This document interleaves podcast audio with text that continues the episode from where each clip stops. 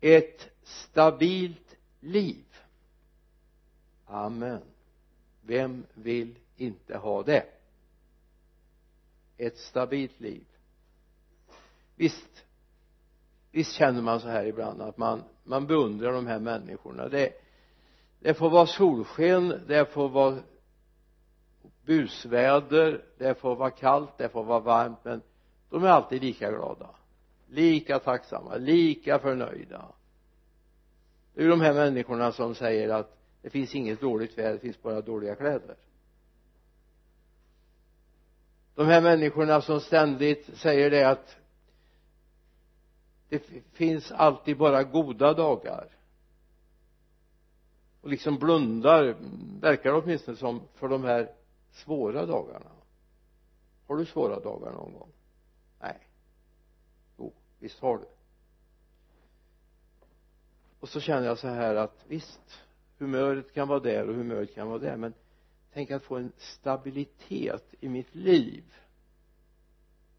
Så att jag inte påverkas så mycket av omständigheterna. De finns ju där. Sjukdom finns.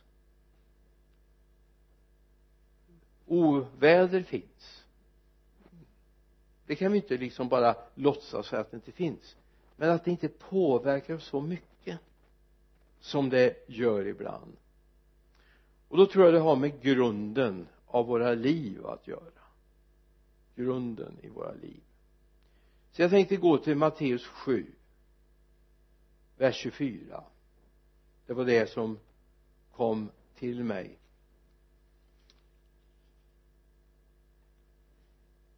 Vers, till och med vers 27 den som därför hör dessa mina ord och handlar efter dem han liknar en förståndig man som byggde sitt hus på klippan. Regnet öste ner störtfloden kom och vindarna blåste och kastade sig mot det huset. Men det föll inte eftersom det var grundat på klippan men den som hör dessa mina ord och inte handlar efter dem han liknar en dåre som byggde sitt hus på sanden. Regnet öste ner störtfloden kom och vindarna blåste och slog mot det huset och det föll samman och dess fall var stort. När jag läser den här texten kan jag ju inte komma ifrån utan jag tänker på ett litet en liten film som ligger på våran Facebook-sida med eh, ska jag säga filmstjärnorna. Familjen Svanbergs. Som är, det är så, så jättebra så har du chans att gå in på församlingens Facebook-sida ska du hitta det där. Eh, just som det här som är åskådliggjort. Så behöver jag inte nämna mer om det.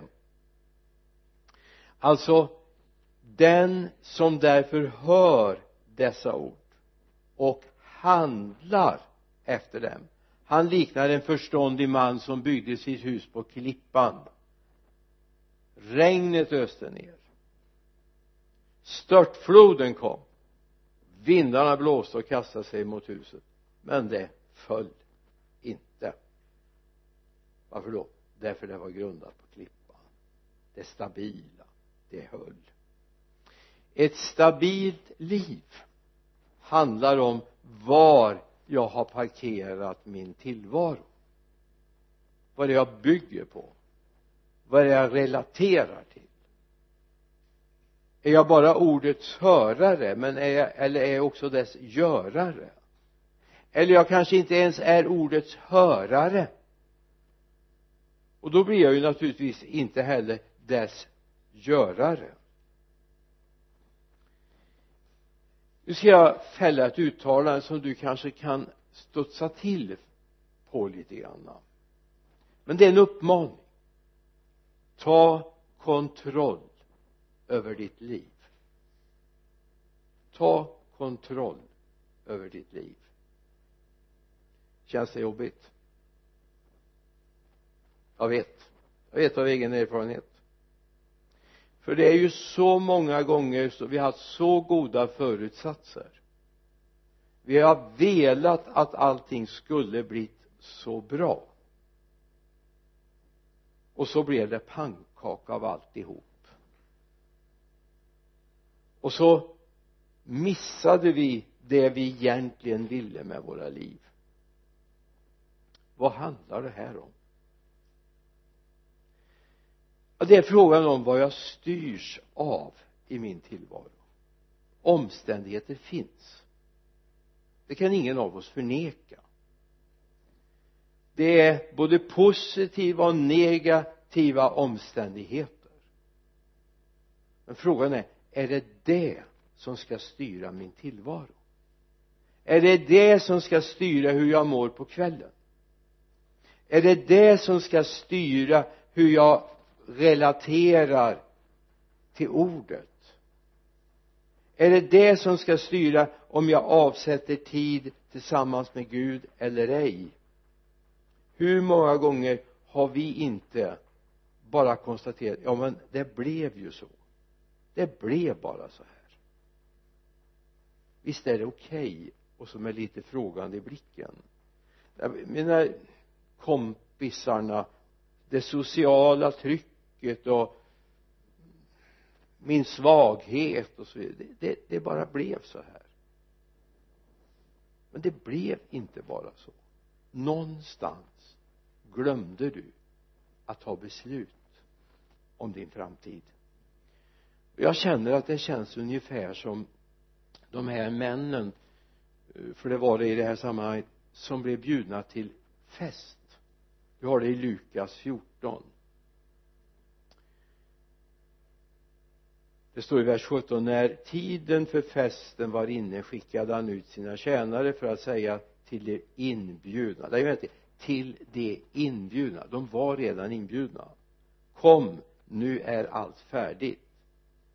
Men de började alla ursäkta sig. Och så fanns det då en mängd ursäkter. Om åkrar och oxar och giftermål och vad det nu handlar om va? Alla visste om att festen skulle vara. Ändå hade man försatt sig i en situation som man inte var beredd. Alla visste att det gick en viss tid från det inbjudan kom. Ja det kom ju inga sms på den tiden det kom inga mejl det kom inte ens brev utan det kom faktiskt en tjänare och sa nu är det färdigt så nu kan ni göra er beredda och så komma till festen och så har de ursäkter. Och vi är mästare på att ursäkta att vi är där vi är eller rättare sagt att vi är där vi inte borde vara. Eller att vi är där vi inte skulle vara för vi skulle vara där istället med våra liv. Det här handlar om vad vi har ställt våra liv. Har vi, är vi rotade i omständigheterna eller i Guds löften. Det är frågan. Var har vi vår grund? Är det tillfälligheter omständigheter eller Guds nåd våra liv vilar på? Jag måste säga det är så bökiga omständigheter. Jag har haft det så tufft. Ja Gud vet det. Och då står det i psalm 23 vers 3 och 4 han vederkvicker min själ.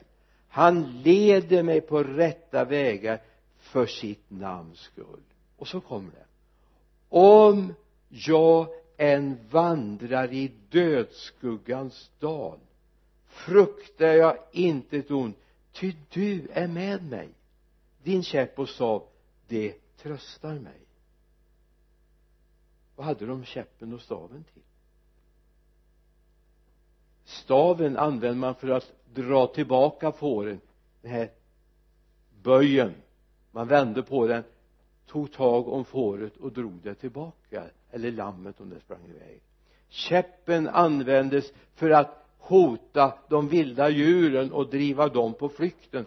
Det var inte respektive fårs bekymmer att ta hand om det. Det var inget litet lamm som behövde gå emot varken björn eller lejon den kampen hade varit förlorad. Om jag än vandrar i dödsskuggans dal fruktar jag inte ett ont. Varför det? Ty du är med mig. Din käpp och din stav det tröstar mig. Alltså bara upp uppenbarelsen av att han herden den gode herden som till och med är beredd att ge sitt liv för fåren är där tillsammans med sin käpp och stav.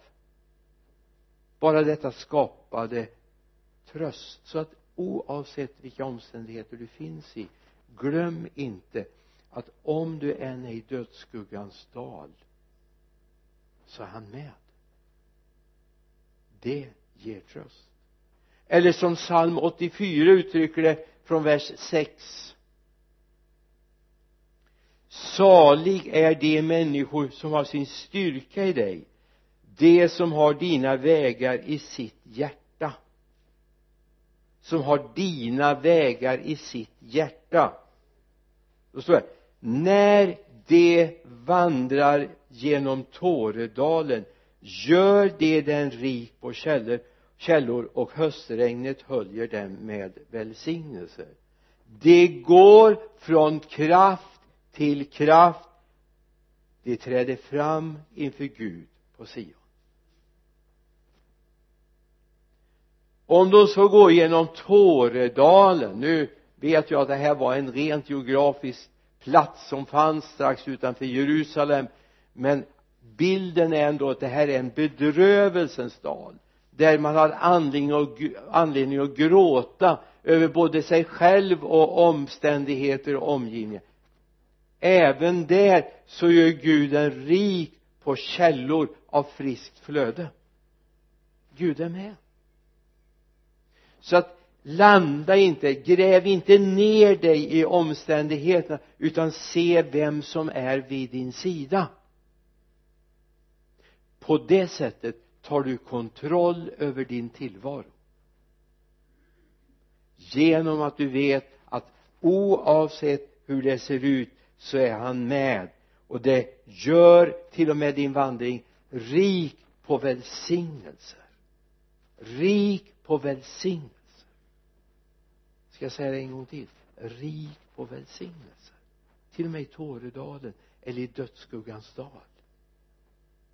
Vi får gå igenom det är inte så att Gud banar en annan väg och säger nej du ska inte behöva drabbas av något elände. Du ska inte behöva drabbas av några motgångar. Det är inte Guds väg utan Gud vill bara påpeka att när du går igenom det så är jag med dig. Och det är skillnaden. Det är skillnaden att gå där utan medvetenheten om att han är med. Och gå där med medveten om att han faktiskt är med och att han banar till och med mitt i Tåredalen, mitt i lidandet, mitt i prövning. Så dukar han fram ett bord som är fullt av det som är av välsignelse. Till och med det friska flödet ifrån Guds eget hjärta ifrån Guds närvaro finns där. Där finns ett glädjens evangelium och det behöver vi få tag i eller hur? Vi behöver få tag i glädjens evangelium.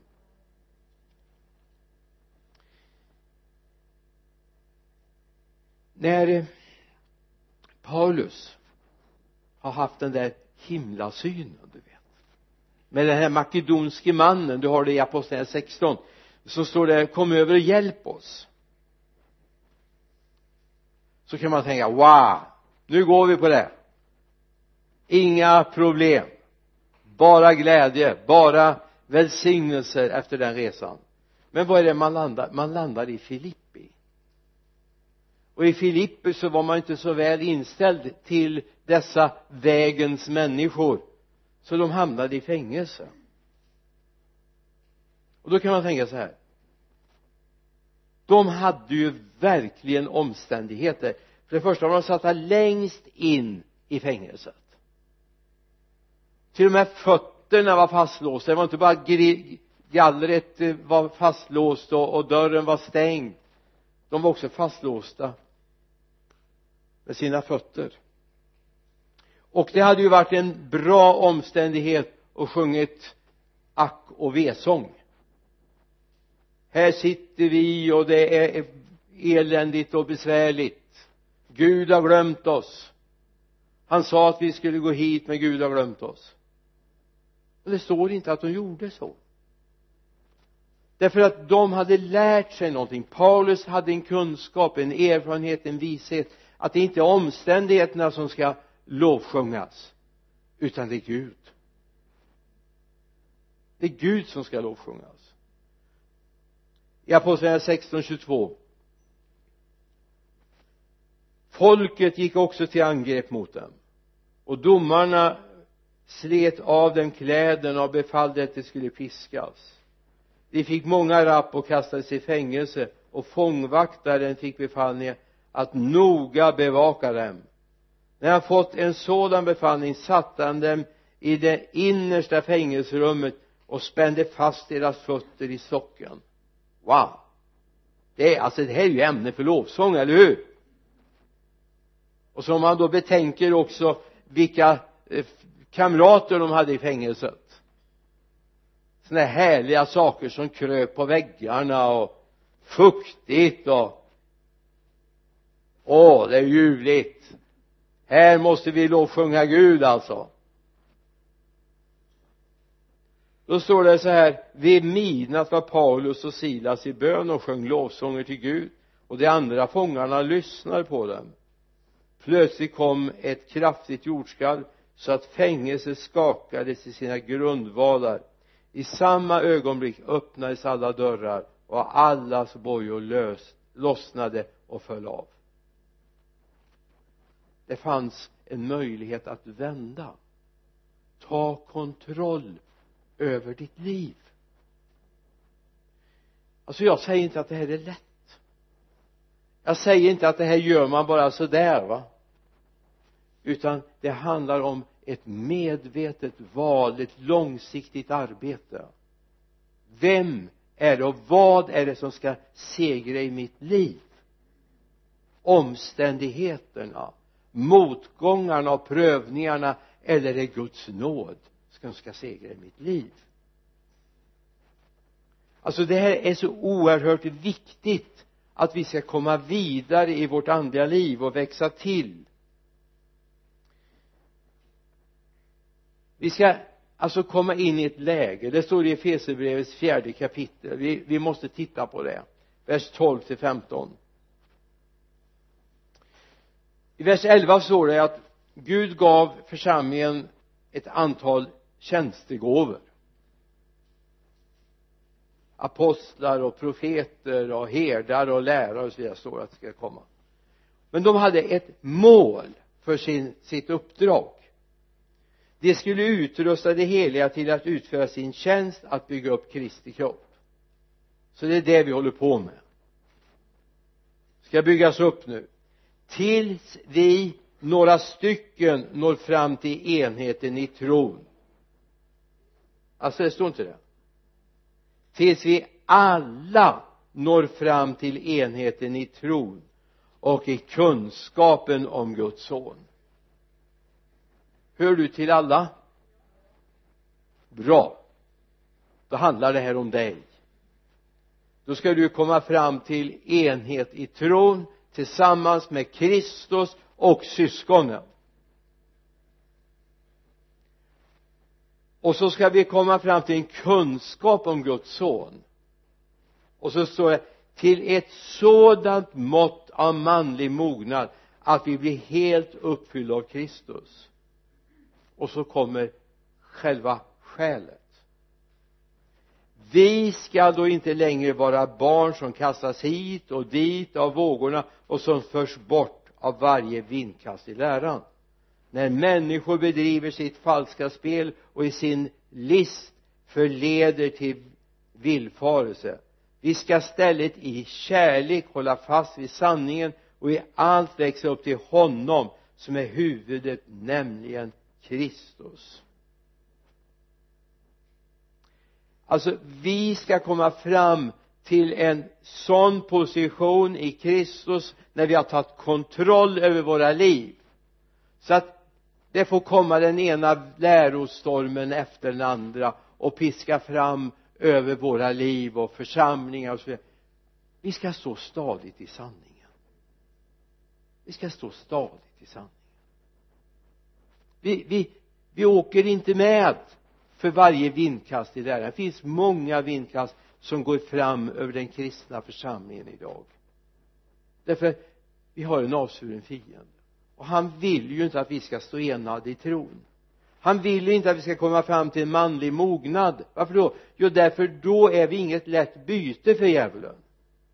Men de som är eh, fortfarande barn i sitt andliga liv efter 30 år i den kristna gemenskapen de är så lättfångade byten och det här är viktigt att vi kommer bort ifrån och blir fullmogna kommer fram till en manlig mognad i Kristus. Så att vi inte pendlar som ett rör för vinden. Nu är det poppis att göra så och nu är det poppis att göra så och, och nu ska vi göra så och nu ska vi göra så. Nej, vi ska stå grundade i sanningen. Ta kontroll över ditt liv genom ett beslut. Jag ska ge tid åt Herren i mitt liv. För sanningen att säga jag menar om du har pengar på banken det, det kan vara jättebra. Alltså nu när vi ska bygga kyrka så, så ska de föras över. Vi ska snart ge dig ett kontonummer så du kan föra över det till församlingen. Så mm, det blir inga bekymmer. Och jag menar ett bra yrke är ju jättebra. Men sanningen att säga det enda vi tar med oss hem det är en bevarad själ. Det är en bevarad själ. Dina pengar tar du inte med dig till himlen. Dina kunskaper i verklig mening tar vi inte med oss till himlen. De är bra att ha här men, men de, de är inte liksom i den digniteten som kunskapen om Jesus är. Målet med vår församling det, det är min bön det här är att vi ska vara färdiga väl vuxna i vår manliga mognad så att vi står pall för allt som kommer dra över församlingens liv. Och så står det i Filippe 4 och 13 allt förmår jag i honom som ger mig kraft det räcker inte att säga allt förmår jag i honom. Om jag inte samtidigt är medveten om att det är han som ger mig kraften. Det är ingenting jag ska jaga fram för egen del. Vi ska ha ett stabilt kristenliv. Och du ska vara precis lika frälst imorgon klockan sex som du är idag. Precis lika härligt frälst ska du vara så skulle jag ringa till dig imorgon klockan sex så skulle du vara lika lycklig och jublande glad som du är nu. Eller hur? Underbart att vara frälst. Halleluja! Åh vilken dag jag ska få idag. Okej omständigheterna kan vara lite bökiga och besvärliga. Men, men Gud är densamme. För det står det i Hebreerbrevet 13 och 8 att Jesus Kristus är densamme igår och idag och i all evighet. Han är den oföränderlige. Det är lite mer tveksamt med, med oss ibland va? Jag tänkte nu ta upp några saker som är viktiga att tänka på för att vi ska få det här stabila livet. Vi ska ta kontroll över våra liv och då menar jag ju naturligtvis inte att du ska göra det i egen kraft. Utan jag menar att du ska bli en lyhörd villig och glad tjänare till Jesus Kristus. Det är det jag menar. Alltså ditt beslut ska vara att nu tar jag kontroll över livet genom att jag stiger ännu närmare Jesus. Blir ännu lyhördare ännu gladare. Ännu tacksammare. Och ännu villigare att tjäna Gud. Det första är du ska vara ordets görare. Jag ska ge ett nytt ett, ett, ett, eh, ny infallsvinkel på ditt bibelläsande. För nu tar jag för givet att du läser bibeln minst tre gånger varje dag eller hur? Självklart. Hur många gånger äter du på dagen? Fysisk föda? Det är märkligt att det, det är så lätt att fasta från bibeln men och där har vi ingen uppmaning i Guds ord men fasta från mat och fasta från tv och så vidare det har vi uppmaningar i Guds ord på. Amen.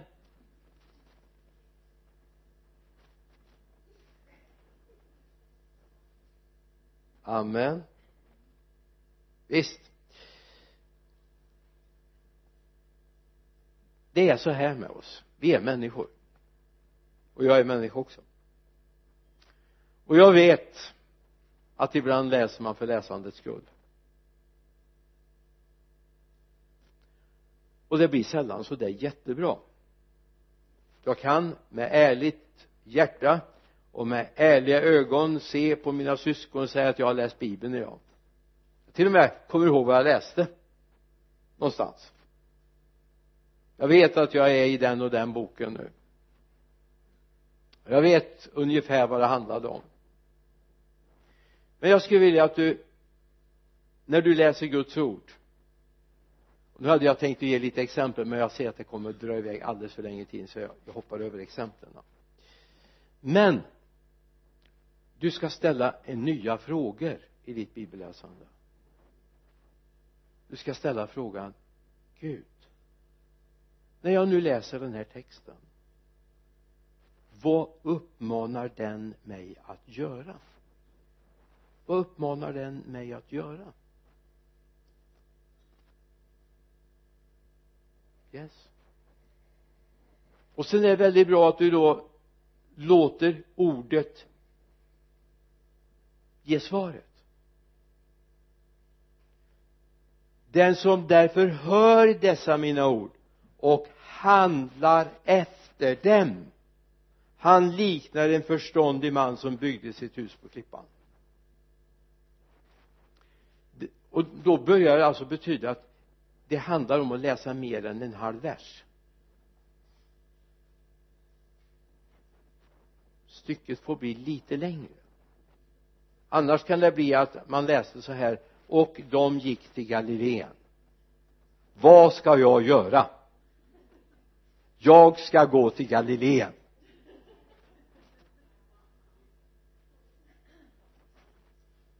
Det tar en stund kan jag få lov att upplysa dig om. Du missar några veckor på jobbet. Så ehm, det var inte riktigt så jag menade.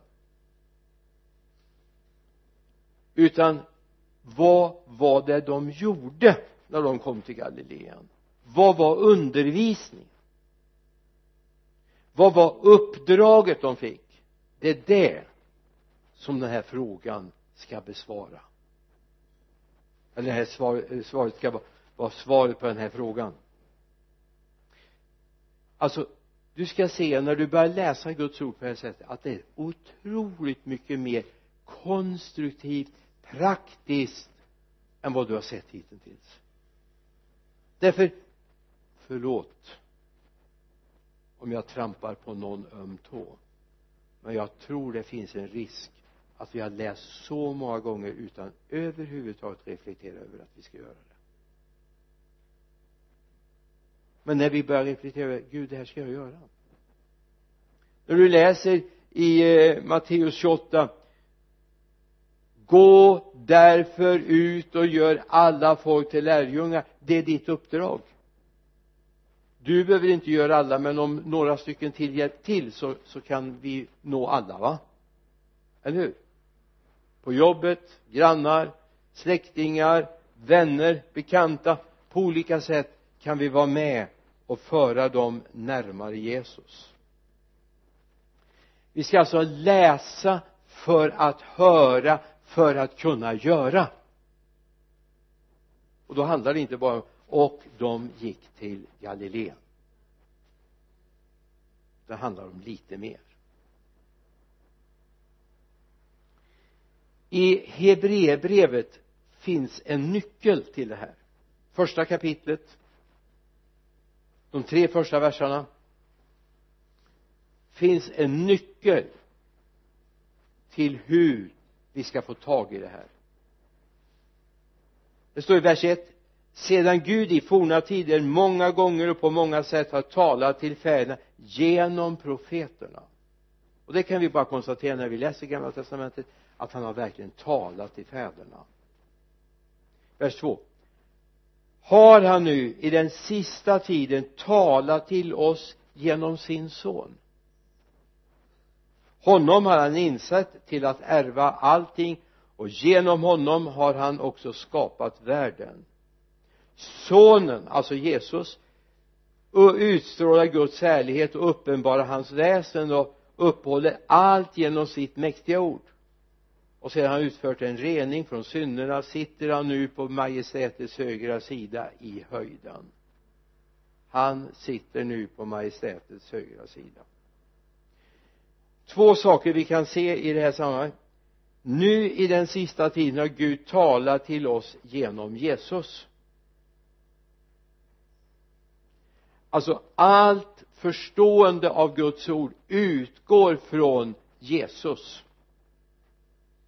Både mitt närmande av gamla testamentet mitt närmande av profetböckerna av den eh, israelitiska historien så det har jag utifrån Jesus och så kommer jag att säga att Jesus talar till sitt folk idag. Det andra sonen alltså Jesus utstrålar Guds härlighet och uppenbarar hans väsende. Alltså det är inte bara det att, att eh, Jesus är en utstrålning av Guds härlighet utan i Jesus i Jesus så uppenbaras Guds innersta sida alltså väsendet vem Gud egentligen är hur Gud egentligen tänker hur kärleksfull Gud egentligen är och hur oerhört angelägen Gud är att vi ska bli hans tjänare.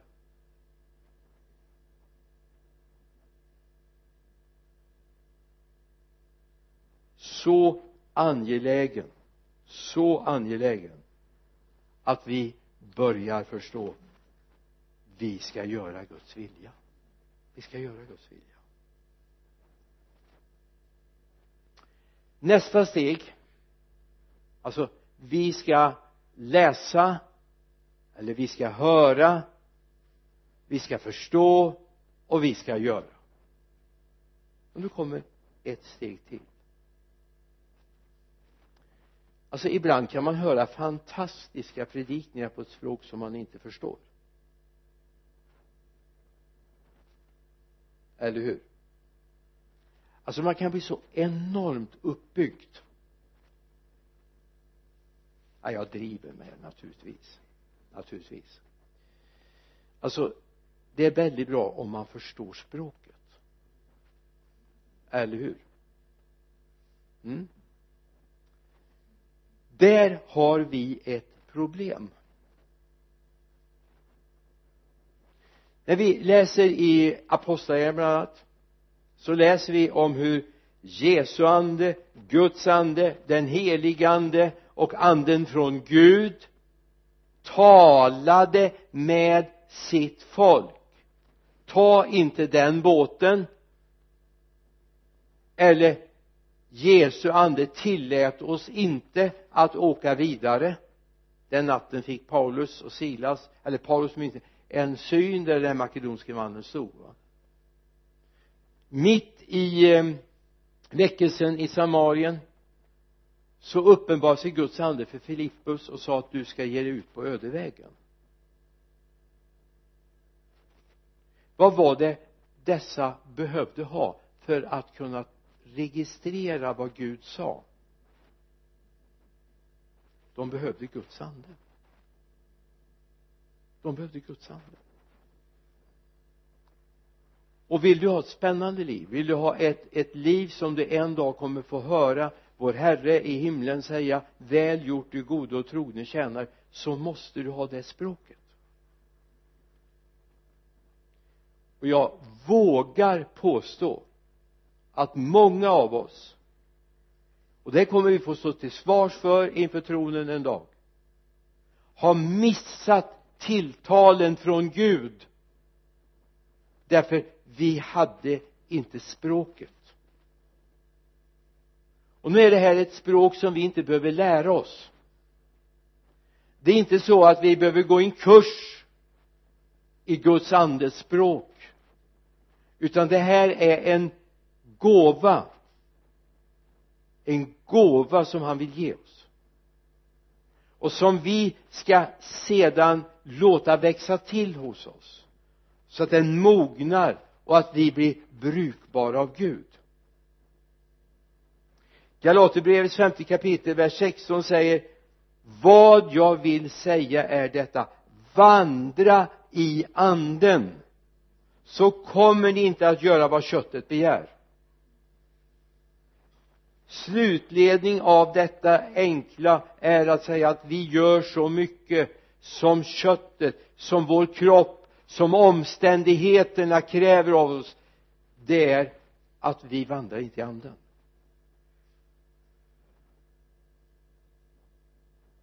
Alltså det naturliga det eftersträvansvärda är att du minst en gång varje vecka kan säga att Guds ande sa till mig och jag gjorde det. På söndag eftermiddag ska vi få höra ett antal sådana exempel. Det är alltså Gud har en träffsäkerhet när vi börjar få ett övat sinne att lyssna du kommer aldrig för tidigt, du kommer aldrig för sent du kommer alltid vid rätt tidpunkt. Så det vi behöver, vi behöver språket. Den som hör dessa mina ord och handlar efter dem, hur ska jag kunna handla om jag inte ens förstod tilltalet? Jag förstod inte att det var Guds ande för han skickar inte mejl, han skickar inte sms han kommer inte alltid med en härold som står framför mig för då skulle du bli så rädd. Så vitare än vad du blev då går inte att bli. Du behöver språket. Du behöver den heliga ande i ditt liv. Du behöver inte alltid vifta och fara och gapa och skrika. Det är inte det det handlar om. Utan du behöver en förståelse av Guds ande och kunna handla utifrån det. Du måste ha en en situation där du kan skilja mellan Guds ande och alla andra vantar och tankar och, och känslor som finns. Alltså det du upplever i ett känsloliv är inte samma sak som Guds ande talar. Det finns allt för många som blandat ihop andligt liv och känslor det har inte ett dugg med varandra. Det är två helt olika funktioner i vår, vår personlighet. Så att det är viktigt att vi börjar lyssna in Guds ande. Då kommer Gud börja föra in dig på ett spännande resa. Han kommer säga till dig nu vill jag ha dig på den öde vägen. Nu vill jag säga till dig du ska inte fortsätta den här resan. Du ska en annan resa. Och så vidare och så vidare. Anania som går till Paulus för att be för honom uppe i Damaskus på raka gatan. Han visste. Han visste vad han skulle där och göra. Han visste vem det var som var innanför dörren ibland har vi fått för oss att allt det här med Gud och då vet vi ingenting. Det är bara liksom att gå i blindo. Det är inte alls så. Vi vet vart vi ska och ofta vet vi till och med vem vi ska möta. Det visste inte Filippos visserligen när han kommer ut på den öde vägen. Men han visste vart han skulle. Han kunde inte valt någon annan väg eller gått, gått någon annanstans. Han visste att han skulle ut på den väg som ledde ner till Gaza. Han visste vill du börja vandra i detta? Och låt mig få säga det är helt nödvändigt. Det är helt nödvändigt. Det här är ingen lyxutrustning som några kan få. Du ska ha det. Som en sann kristen ska du ha det. Och då kommer det att bli oerhört intressant att vara kristen. Wow. Gud använder mig inte bara göra det som jag brukar kan och vill göra utan Gud förde in mig på något helt nytt. Det tredje. Och det här skapar trygghet mitt i en otrygg värld. Vi går till första Johannesbrevets fjärde kapitel vers 2 till och med vers 4 så känner ni igen Guds ande. Varje ande som bekänner att Jesus är Kristus som kommit i köttet han är från Gud. Och varje ande som inte bekänner Jesus han är inte från Gud. Det är antikristande som ni har hört skulle komma och som redan nu är i världen. Och så kommer det. Ni kära barn är från Gud och har besegrat dem. Ty han som är i er är större än den som är i världen. Den som är i er är större än den som är i världen. Yes. Kom ihåg det. Tappa aldrig bort det. Du bekänner att Jesus är Herren. Du tror av hela ditt hjärta att han var den som var sänd i köttet och kom hit för att dömas, dö och uppstå för din skull, eller hur? Du bekänner dig till det. Då säger Guds ord att du är av Gud. Och du har varit med och besegrat antikrist ande. Amen. Då ska du komma ihåg att han som är i dig är större än den som är i världen. Eller som Paulus uttrycker om Gud är för oss vem kan då vara emot oss? Om Gud är för oss är Gud för dig? Amen. Hoppas du har det vittnesbördet i ditt hjärta genom den helige ande att du vet att du är av honom. Det finns en parallell till den här texten. Det är hos kung Hiskia. I andra krönikeboken det 32 kapitlet verserna 7 och 8 det är när Israels folk eller judafolk är utsatta för de assyriska kungarnas eh, försök att inta landet. Och man är orolig hur ska vi göra? Då har Hiskia en hälsning från Gud var frimodiga och starka. Frukta inte. Och var inte förfärade för kungen i Assyrien och för hela den skara han har med sig. Ty med oss är en som är större än den som är med honom. Med honom är en arm av kött. Men med oss är Herren vår Gud och han ska hjälpa oss att föra våra krig. Och folket fick nytt mod genom den det som Hiskia judakung hade talat. Med oss är Gud Herren Gud. Vad kan stå emot oss då? Ingenting. I en orolig värld en värld som är emot det mesta som vi är för för att inte säga allt som vi är för är de emot. Läste för att ta en liten parentes jag läste en härlig grej på Facebook. Säkert kanske du läste också beroende lite på vilka vilka friends du har. I alla fall det var en som skrev så här att vi ska tacka Gud för bojkottlistan där man ska bojkotta Israel. Där de har räknat upp vilka varor vi ska bojkotta för det blir ju en bra inköpslista för oss. Yes. Tänk om de verkligen skulle börja bojkotta Israel och inte köpa några produkter därifrån. Det skulle inte bli så många datorer i världen. Yes. Men det vill man ha. En bra inköpslista. För oss som älskar Israel hela världen är i den ondes våld. Men vi läser i första Johannes 5 18 till 21 vi vet att ingen som är född av Gud syndar. Han som är född av Gud bevarar honom. Eller han som är född av Gud? Alltså Jesus bevarar honom. Så att den onde inte kan röra honom vi vet att vi tillhör Gud. Vi vet att vi tillhör Gud och att hela världen är den ondes våld.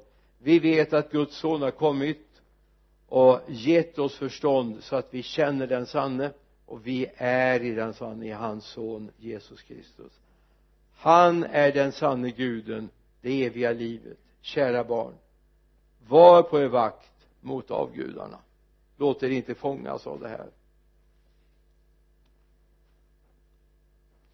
Alltså vi behöver inte frukta. För vi har bestämt oss för vad då? Att vi ska gå med Gud. Vi vill ta kontroll över våra liv. Inte själviskt, inte egoistiskt, inte i egen kraft. Men därför att vi gör oss tillgängliga och vi släpper in Guds ande i våra liv. Så att han kan bli vår försvarare men kom ihåg någonting som Paulus säger och jag känner att det är som en smärta när han skriver det i andra Korinthierbrevet 11 och 14 och det är inget att förvåna sig över. Satan själv gör sig lik ett, en ljusets ängel. Så det är viktigt att vi vet att vi inte går på det yttre utan att vi har en signal ifrån Guds ande vad det är vi ska ge våra hjärtan till. Ja det här var några tankar. Skulle kunna skicka med Filippe 4 och 7 också. En härlig bibelvers, eller hur? Då ska Guds frid som övergår allt förstånd bevara era hjärtan och era tankar i Kristus Jesus. Ska vi vara överens om någonting? Att nu ska vi ta kontroll över våra liv. Vi ska ta kontroll över våra liv. Vi ska släppa in Jesus. Vi ska överlåta oss åt den helige ande. Vi ska verkligen låta Guds ande komma in så att vi kan höra vad han vill att vi ska göra. Alltså det, det är inte förunnat bara ett fåtal, några stycken som har fått en speciell ynnest av Gud. Gud har inte sån. Utan Gud vill använda oss alla i sitt rike. Vi ber. Herre tack för ditt eget ord. Jag tackar dig herre för att vi inte ska bli nederlagstippade kristna utan herre även om de tippar oss för nederlag ska vi vara segrare med dig. Du har besegrat den onde. Och vi lever i dig Jesus och vi lever i din seger.